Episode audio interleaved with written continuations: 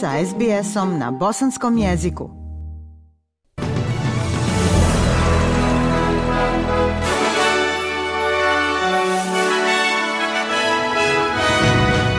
U današnjim vijestima poslušajte. Savezni blagajnik brani eventualne promjene penzijskog osiguranja. Počinje prebrojavanje glasova na državnim izborima u Nigeriji. I u sportu futbaleri Arsenala pobjedili u gostima ekipu Lestera. Slušate vijesti SBS radija na Bosanskom. Savezni blagajnik Jim Chalmers kaže da su moguće promjene poreskih olakšica na više milijonske račune razumne. Gospodin Chalmers kaže da tek treba odlučiti o tačnom obimu reformi, ali i razmišlja o ideji ograničavanja superračuna vrijednih više od 3 miliona dolara. Koalicija diže uzbunu zbog te ideje i optužuje vladu da je prekršila predizborno obećanje da neće mijenjati super. Blagajnik Chalmers rekao je za Sky News da predložena promjena nije kontroverzna i da je koalicija pravila slične izmjene u sistemu supera dok je bila na vlasti. Ovo je veliki pritisak na savezni budžet u vrijeme kada moramo finansirati troškove servisiranja svih ovih dugova. Moramo finansirati nacionalnu šemu invalidskog osiguranja, brigu o starima, bolnice i odbranu. I tako mi bismo trebali biti sposobni za razgovore koji kaže da ne predlažemo velike promjene penzijskog osiguranja. Još nismo donijeli nikakvu odluku, ali ovo je područje koje nas brine.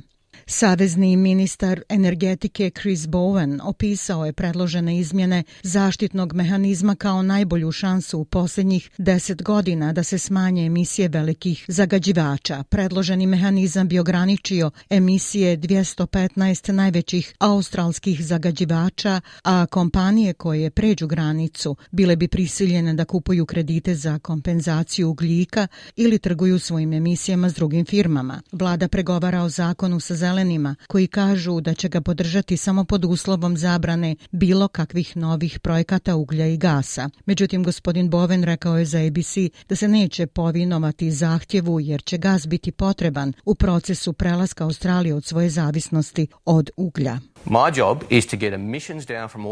Moj posao je da smanjim emisije iz svih naših emitera. Uh, Razumijem da je fokus na plin, ugalj i naftu u ovoj diskusiji vrlo važan, ali to je konačno uspostavljanje režima koji smanjuje emisije iz svih naših emitera senatoricu Lidiju Torp. Policija izvela sa Mardi Gras parade u Sidneju nakon što je legla ispred kamiona koji je bio dio parade. Video snimak prikazuje bivšu senatoricu Zelenih koja je sada nezavisni kandidat Viktorije kako leži na leđima ulici Oxford i privremeno zaustavlja paradu. Dva policajca prilaze senatorici Torp dok gomila počinje zviždati i skandirati. Policija Novog Južnog Velca potvrdila je da je jedna žena uklonjena sa parade oko 20 21 sat na zahtjev organizatora zbog kršenja uslova njenog učešća. Port parol Mardi Grasa u Sidneju potvrdio je da je paradu prekinula senatorica Torp kada je pokušala organizovati protest protiv policijskog nasilja, kako je objasnila na Twitteru.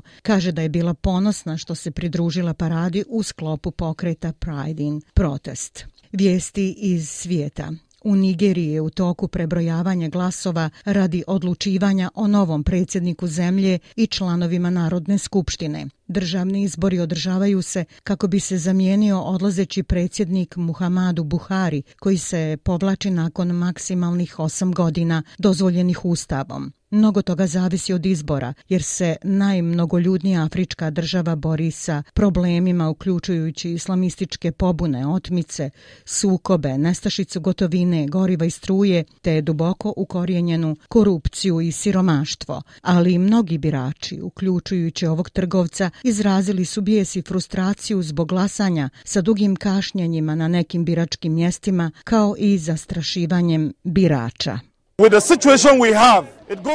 S obzirom na situaciju koju imamo, uveliko se dovodi u pitanje kredibilitet aktivnosti Nacionalne izborne komisije za nezavisnost, jer nam je ranije rečeno da će izbori biti obavljeni bez problema, a rezultati bi se prenijeli elektronski. Avion sa medicinskom pomoći u Sjedinjenim državama srušio se u planinskom području Sjeverne Nevade, pri čemu je poginulo svih pet osoba u avionu. Nesreća se dogodila tokom zimskog upozorenja na nevrijeme uz jak snijeg i udare vjetra. Care Flight, koji pruža hitnu pomoć avionom i helikopterom, kaže da su poginuli pilot, medicinska sestra, bolničar, pacijent i član porodice pacijenta.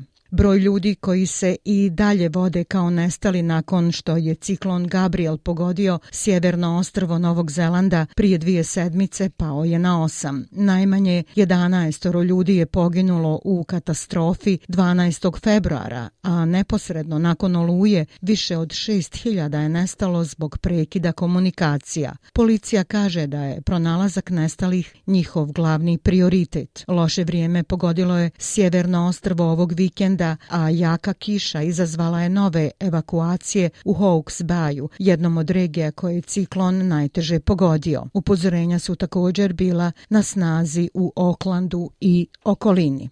Ukrajinski predsjednik Zelenski pozdravio je nove sankcije Sjedinjenih američkih država protiv Rusije. Najnovija ograničenja ciljaju na više od stotinu subjekata u Rusiji i širom svijeta, uključujući banke i dobavljače odbrambene opreme. Konkretno, Sjedinjene države kažu da žele zaustaviti one koji pomažu Rusiji da iskorištava rupe u zakonu za dobijanje sankcionisanih materijala. U svom obraćanju Zelenski kaže da svijet stoji iza Ukrajine. Sankcije budu uvoditi i nadalje. Sankcije će se i dalje uvoditi tako da ništa ne ostane od potencijala ruske agresije.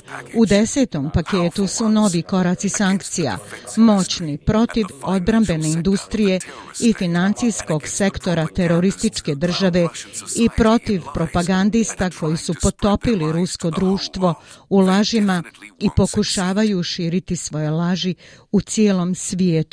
Definitivno to neće uspjeti.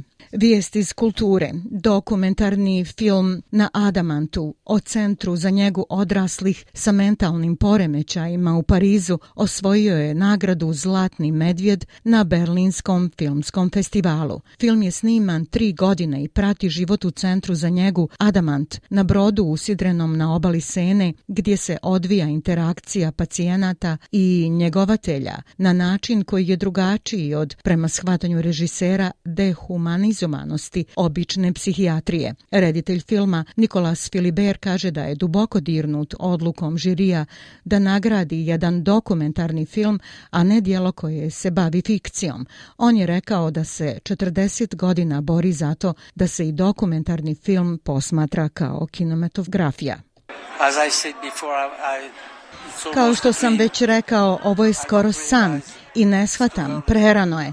Ja sam počastvovan, ponosan, dirnut, ali to je još uvijek abstraktno.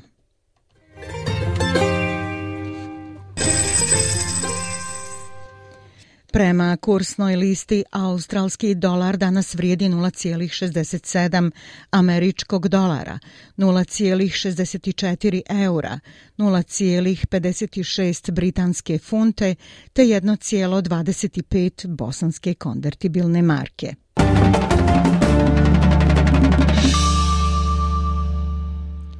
I vijesti iz sporta. Futbaleri Arsenala pobjedili su u gostima ekipu Lestera sa 1 naprama 0 u utakmici 25. kola premijer lige. Gol vrijedan 3 boda postigao je Gabriel Martinelli u 46. minuti. Arsenal je upisao 18. pobjedu od početka šampionata i prvi je na tabeli sa 57 bodova, odnosno ima pet više od Manchester City-a. Na drugoj strani Lester Leicester je 14. tim lige sa 24 osvojena boda. Futbaleri Arsenala će u narednom kolu premijer lige dočekati Everton, koji je na svom terenu poražen od Aston Ville sa 2 naprama 0.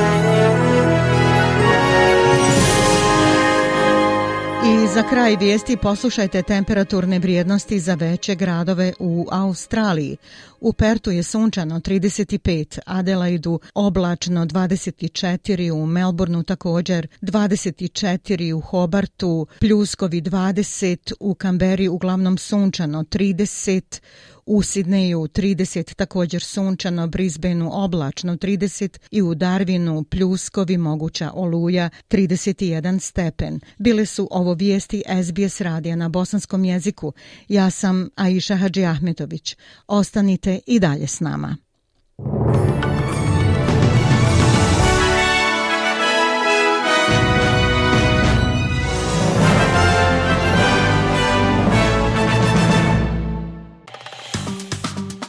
Like, share, comment. Pratite SBS Bosnian na Facebooku.